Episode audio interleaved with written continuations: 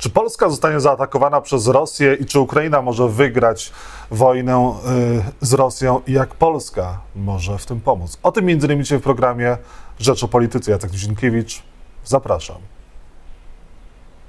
A Państwa moim gościem jest Paweł Kowal, pełnomocnik do spraw odbudowy Ukrainy, szef Komisji Spraw Zagranicznych, Koalicja Obywatelska. Dzień dobry, panie pośle. Dzień dobry.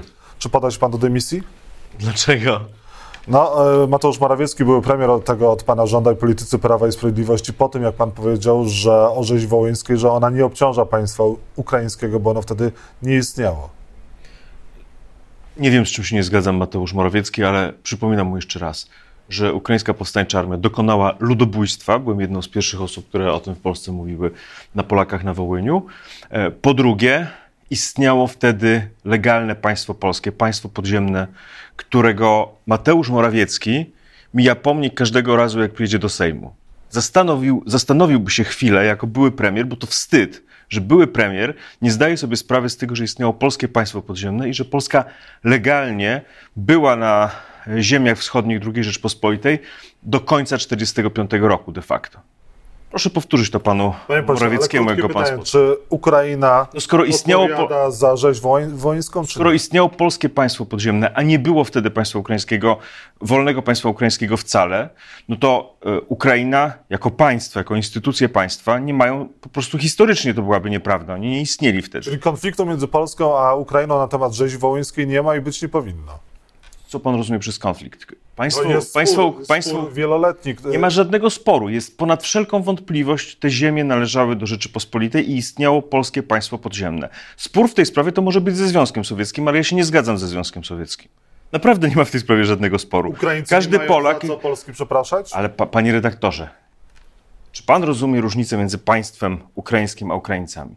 Bez wątpienia to było ludobójstwo, to już od tego żeśmy wyszli. Za które odpowiada? Za które odpowiada ukraińska powstańcza armia. Jeżeli ktoś dzisiaj na przykład nie potępia tego ludobójstwa, no to y, mamy prawo od niego oczekiwać, żeby potępił. Mamy prawo oczekiwać od instytucji państwowych współczesnej Ukrainy na przykład żeby e, dokonały, żeby pozwoliły na pochówki, e, na uczczenie ofiar. To jest wszystko prawda.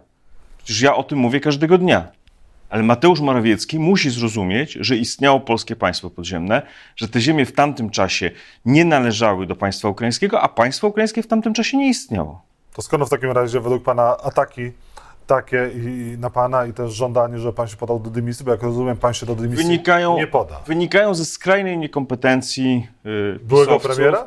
No, no, ale niech, jeszcze raz to powtórzmy. No jak były premier może nie rozumieć, kiedy, jakie Polska miała granice. Panie pośle, przejdźmy do spraw e, bieżących. E, druga, e, drugi rok agresji Rosji na Ukrainę. Pan nie jest zbyt optymistyczny, mówiąc o tym, że Rosja przegra, że Ukraina wygra. Ma pan jakieś przesłanki ku temu? Fakty? Teraz trzeba zrobić tak. Odstraszyć Putina. Jeżeli nie da się go odstraszyć sankcjami, bo to się udało tylko w pewnej Na pierwszej stronie Rzeczpospolitej mamy informację o tym, że te sankcje są nieszczelne. Zawsze, zawsze, panie redaktorze, zawsze będą nieszczelne. Na tym polega nakładanie sankcji na jakikolwiek reżim, że trzeba nakładać potem kolejne, a ten reżim znajduje sobie sposób, żeby je ominąć. Po prostu. Więc nie ma co się tym przejmować, trzeba nakładać kolejne sankcje i uszczelniać stare. Tyle. Do tego trzeba dodać twarde działania dyplomatyczne wykluczające Rosję z e, państw e, demokratycznego e, świata. E, jako poważnego partnera, no i do tego trzeba się zbroić. Trzeba odstraszać Putina. Odstraszać Putina to znaczy montować nowe linie produkcyjne amunicji, produkować broń, produkować sprzęt, postawić w Europie na produkcję potrzebnej amunicji na froncie walki Ukrainy z Rosją. Ukraina została napadnięta, ma prawo dostać tę pomoc. To są rzeczy, które trzeba robić i się uda. Uda się kiedy? Tego nie wiem. Myślałem, że mobilizacja Zachodu będzie jeszcze troszkę większa i że to się uda w tym roku. Dzisiaj wiem, że zadanie na ten rok jest nie dopuścić, żeby Rosja przerwała gdzieś linię frontu. Przyglądać się też sytuacji wewnętrznej w Rosji, bo sytuacja wewnętrzna w Rosji może bardzo pomóc w tej sprawie. Dlatego, że e, no jeżeli na przykład podważona zostałaby pozycja Putina, to może być e, początek jakiegoś procesu, który dałby Ukraińcom możliwość negocjacji na dobrych warunkach. Ale generalnie to jest tak. Warto dzisiaj zapłacić więcej za obronę Ukrainy, mówię o zachodnim świecie, po to, żeby nie płacić krwią polską czy innych narodów Europy Środkowej za jakiś czas. Nawet śmierć Nawalnego nie podważyła y, pozycji Putina. Były protesty w Rosji, ale one nie były. Ale była sygnałem, śmierć Nawalnego była jednak wyraźnym sygnałem, że Putin słabnie, że się boi. Putin zamordował Nawalnego ze strachu. Najwyraźniej uważał, że w razie gdyby źle, poszła, e, źle poszły wybory w marcu, w takim sensie, że jego współpracownicy zorientują się, że poparcie dla Putina jest za niskie, będzie próba wprowadzenia e, pomocy e, Nawalnemu przez na przykład część jego otoczenia, żeby doszedł do władzy. Putin na poważnie rozważał taki scenariusz i bardzo się go obawiał. A Nawalny, no przecież nie pojechał do Rosji dlatego, że chciał, żeby go zamordowano, tylko uważał, że istnieje pewna szansa na to, że e, choćby w drodze zamachu, takiego pałacowego zamachu stanu, jakaś część elity moskiewskiego e, poprze i będzie mógł próbować e, zbudować nowy, nowy rząd czy no, nową władzę w Rosji. Córki mnie pytają, czy Rosja zaatakuje e, Polskę. No i co mam im odpowiedzieć? Bo ona, u nas się o tym nie mówi, ale widocznie strach i mówi się o tym gdzie indziej jest tak duży, że nawet to do dzieci dociera. Dlatego y, nie, powiedziałbym córkom, że kluczem jest dzisiaj odstraszyć Putina i że teraz można odstraszyć Putina, czyli nie zaatakuje, jeśli odstraszymy. Odstraszyć to dzisiaj znaczy produkować broni tyle, żeby być konkurencyjnym wobec Rosji, czyli nie mniej niż Rosjanie. Nie wiem, czy to je uspokoi. To jest ostatnia wojna Putina? Tego nigdy nie wiemy, natomiast to jest e, część procesu roz, ostatecznego rozpadu imperium, imperium Rosyjskiego. Co do tego nie mam wątpliwości. Te najbliższe lata będą bardzo niebezpieczne, bo kiedy Imperium Rosyjskie się rozpada, ono zawsze jest w takich konwulsjach, które są bardzo niebezpieczne długi czas. Natomiast e, Putin poprzez to, że przegrał pierwszy rok tej wojny na 100%, bo przegrał pod Kijowem, przegrał pod Charkowem, przegrał e, pod Chersoniem, musiał opuścić Chersoń, Putin stracił pozycję wodza, który sobie daje radę. Bez Ukrainy nie ma imperium rosyjskiego, Putin to wie. E, te wszystkie wydarzenia gdzieś za kilka, pewnie około, może około 10 lat najdłużej od teraz, prowadzą do zmiany charakteru Rosji, częściowego jej rozpadu, szczególnie na Kaukazie moim zdaniem Rosja się, e, poodkruszają się niektóre państwa od Rosji. Ale ten okres pomiędzy może być bardzo niebezpieczny. Tylko widzi pan, nie ma co straszyć, bo to łatwo ludzie straszą. Nie? Minister Pistorius, z którym się zgadzam, minister E, obrony Niemiec, który jak, kiedy mówi o sprawach strategicznych, mówi trochę podobnie jak my, a inaczej niż urząd kanclerski. Natomiast e, problem z nim jest, że kiedy on coś mówi, to, to czasem to straszenie raczej demobilizuje niż mobilizuje. Naszą rolą jest mobilizować. Czyli faktycznie proszę powiedzieć córce, że jest zagrożenie, ale to nie jest sytuacja bez wyjścia. Teraz trzeba się zmobilizować. Jeżeli chodzi o samego Załańskiego, on zdaje egzamin, czy może powinien zostać zmieniony? Jak to według Pana wygląda? Bo chyba też część Zachodu nie jest jednak zadowolona z prezydentury. No ale Zachód nie wybiera prezydenta na, Ukrainę, na Ukrainie. Zełenski jest bardzo popularnym prezydentem i Yy, Ale też pewno... wycina konkurencję, jak widzimy. Jeszcze, no, jak Dużo polityki w tym polity... wewnętrznych egoizmów. Na, ty, na, tym polega polityka, że on walczy z, z, konkurencją. Nie chcę się wypowiadać na temat wewnętrznej sytuacji na Ukrainie, bo tutaj właściwie to nie jestem już analitykiem, tylko prowadzę też jakąś politykę w imieniu, w imieniu polskich instytucji, więc mogę tylko tak skomentować. Na Ukrainie prezydenta wybierają Ukraińcy. Obiektywne fakty są takie, że Zełenski ma bardzo duże poparcie społeczne. Jeżeli chodzi o Donalda Trumpa, jeżeli wybór Trumpa e, na prezydenta Stanów Zjednoczonych e, będzie, jeżeli do tego dojdzie, to w takim razie to pomoże Putinowi, pomoże Rosji. Jak polska dyplomacja zapatruje się na te wybory w Stanach Zjednoczonych? Trzeba grać, próbować e, dochodzić do, do wszystkich środowisk politycznych w Stanach, czyli obstawiać demokratów, obstawiać także republikanów, także środowiska około trumpowskie nie, to nie jest tak, że nie wszyscy uważają tak jak w tych wypowiedziach Trumpa. E, rozmawiam, z, zna, znam ludzi w tym otoczeniu. Tydzień temu, w ostatnich dniach miałem kontakt, także w ostatnich dniach miałem kontakt z ważnymi politykami z otoczenia Trumpa, ze środowiska republikańskiego, których znam sprzed lat.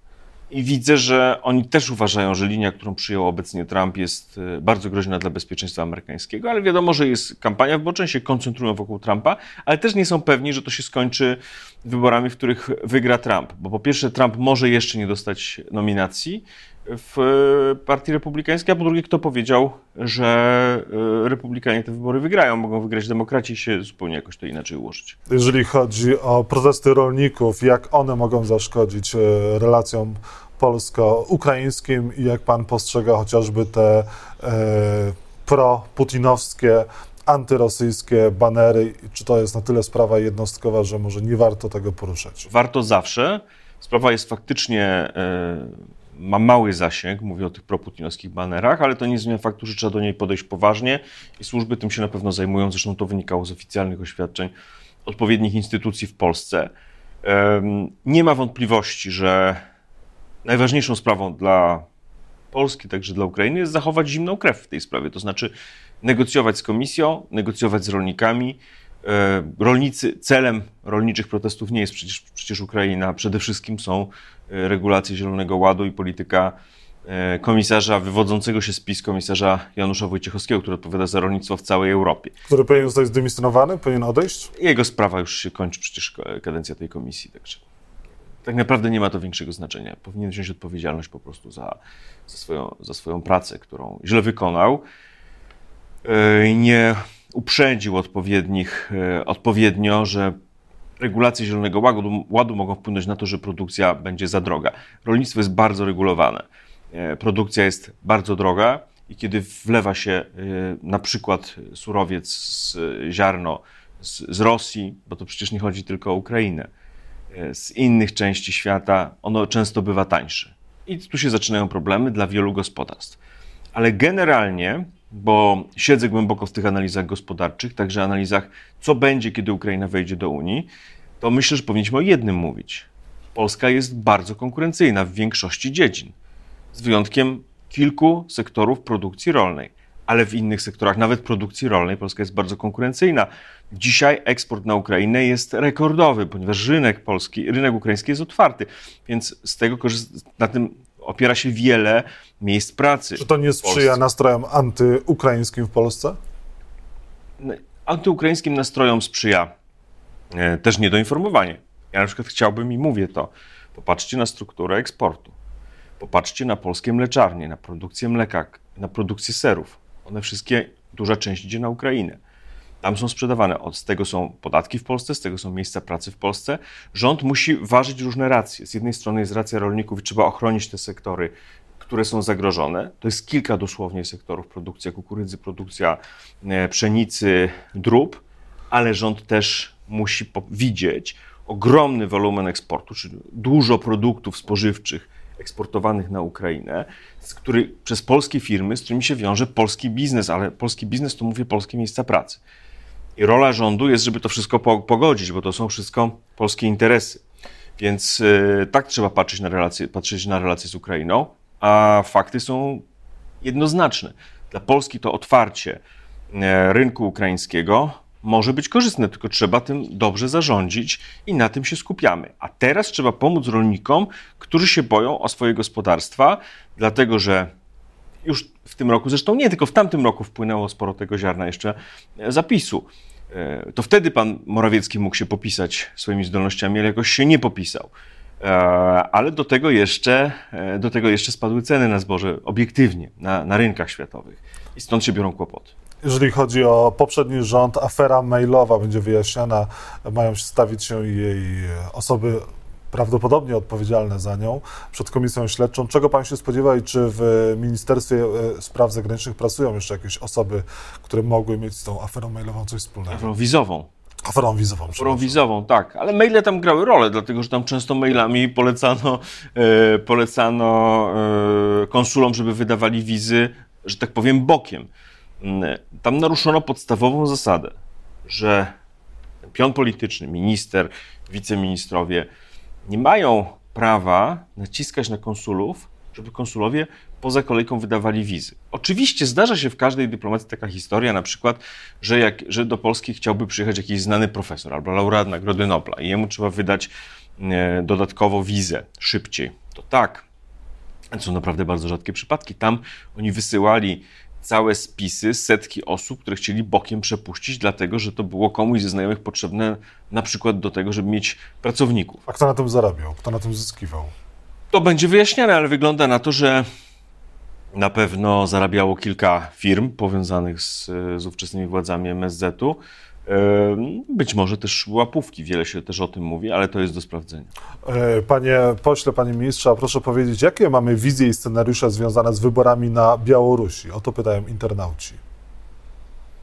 Jeżeli chodzi o Białoruś, patrz, ja patrzę już na Łukaszenkę jak na ministra, jak na namiestnika Putina.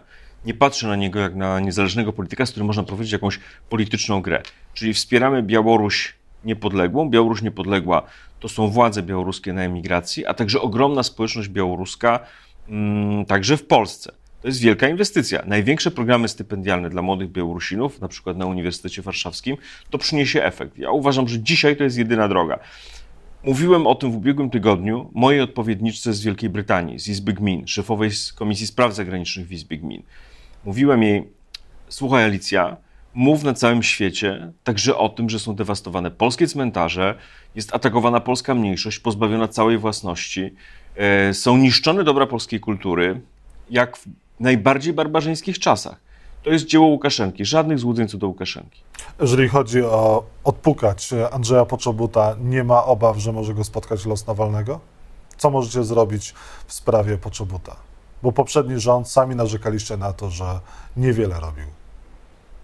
Nic w tej sprawie nie mogę powiedzieć, ale nie dlatego, że nic się nie dzieje, tylko dlatego, że to nie jest y, do, do pierwszych dyskusji. Czyli coś się dzieje w sprawie, tak? Takie sprawy lubią ciszę, tam się nie da.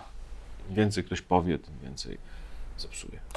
Internauci pytają również, skoro rzekomo chroni nas NATO i obecność w Unii Europejskiej, to dlaczego wszyscy mówią, że nasze bezpieczeństwo zależy od Ukrainy? Dlatego, że jeżeli zostanie przełamany front ukraiński, Ukraina, nie daj Boże, e, zostałaby pokonana, albo nawet Putinowi udało się z powrotem dojść pod Kijów, to znaczy, że on złapie czas na to, żeby się przeorganizować, zrekrutować dodatkowe wojsko i uderzy na kolejne państwo. Nie rozumiem, jak można w tej sprawie mieć ciągle wątpliwości. Przecież to sobie trzeba wyobrazić jakiś 37-38 rok. Też byli ludzie, którzy mówili, że Hitler się uspokoi, że się nasyci. On się już nie nasyci. Putin się już nie nasyci. Jest w takim wieku i na tyle zbrodni popełnił, że się nie nasyci.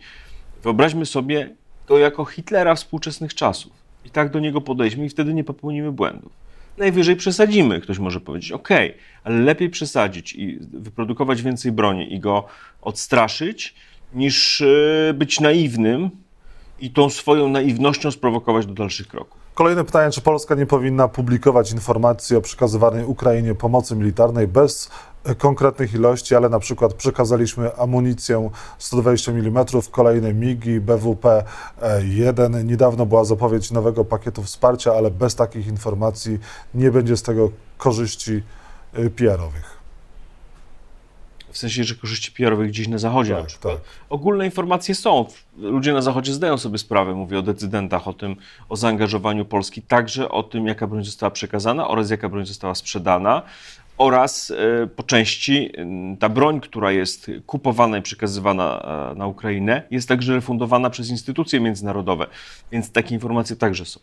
Kolejny internauta pyta, czy nie uważa pan, że zaproszenie do Stanów Zjednoczonych jednocześnie Andrzeja Dudy i Donalda Tuska nie oznacza czegoś bardzo poważnego, czyli na przykład tego, że Joe Biden chce przekazać jakieś informacje z wywiadu amerykańskiego dotyczącego, e, dotyczące konkretnego planu Rosji, ataku Rosji na Polskę i przybliżonej daty tego ataku. Co ten, to, to zaproszenie podwójne tych premiera i prezydenta może oznaczać? Czy pan coś wie więcej? To oznacza coś bardzo poważnego. To znaczy, że Polska jest traktowana poważnie. To nie jest tylko kwestia ceremonii 25 lat po wejściu do NATO. To jest także kwestia e, omówienia spraw na najbliższe lata i pokazania, że Polska jest e, filarem bezpieczeństwa Zachodu w tej chwili naszej części świata. W tym sensie to jest bardzo poważne, ale nie, nie budujmy tu teorii spiskowych. Jeżeli e, władze amerykańskie chcą przekazać jakieś tajne, super ważne informacje, przykładowo, rozumiem, że tu chodzi na przykład o wywiadowcze informacje, to są do tego odpowiednie kanały na co dzień. To nie jest tak, że prezydent Stanów Zjednoczonych czekałby kilka tygodni na przykład, aż przyjedzie, aż się znajdzie taki moment w kalendarzu wszystkich polityków, żeby się mogli we trzech czy w jakimś większej grupie spotkać. To tak, się nie, to tak nie działa. Są odpowiednie kanały, którym się przekazuje, więc jeżeli są jakieś poważne informacje, poważniejsze niż codziennie, to one na pewno na czas dotrą odpowiednim kanałem wcześniej albo później, a spotkanie to jest inna rzecz. I ostatnia kwestia, y, nie ma kryzysu w koalicji, dzielą, dzieli was chociażby podejście do kwestii y, aborcji, pigułki y, dzień po, również Zielonego Ładu w samej tylko e, trzeciej drodze. Zupełnie inne stanowisko wobec tego Zielonego Ładu jest. Jaki jest obecny stan koalicji rządowej? Były sprawy, które były wspólne w kampanii wyborczej, w programie, były też różnice. No, gdyby nie było różnic, to byśmy byli jedną partią. Także nie ma co się tym podkręcać są różnice, w wielu ważnych sprawach są pewne różnice, będziemy je próbować, zmniejszymy je, no po prostu dogadamy się tak, żeby to, co wspólnie uchwalimy, przynajmniej każdego trochę zadowoliło. Ale kompromis, wiadomo, nigdy nikogo do końca nie zadowoli. Także w każdej sprawie, myślę, wewnątrz koalicji, która nie była wcześniej ustalona, będzie zawierany jakiś kompromis i tyle. No tak to działa na całym świecie. Powiedział Paweł Kowal, Koalicja Obywatelska. Bardzo dziękuję za rozmowę. Dziękuję bardzo.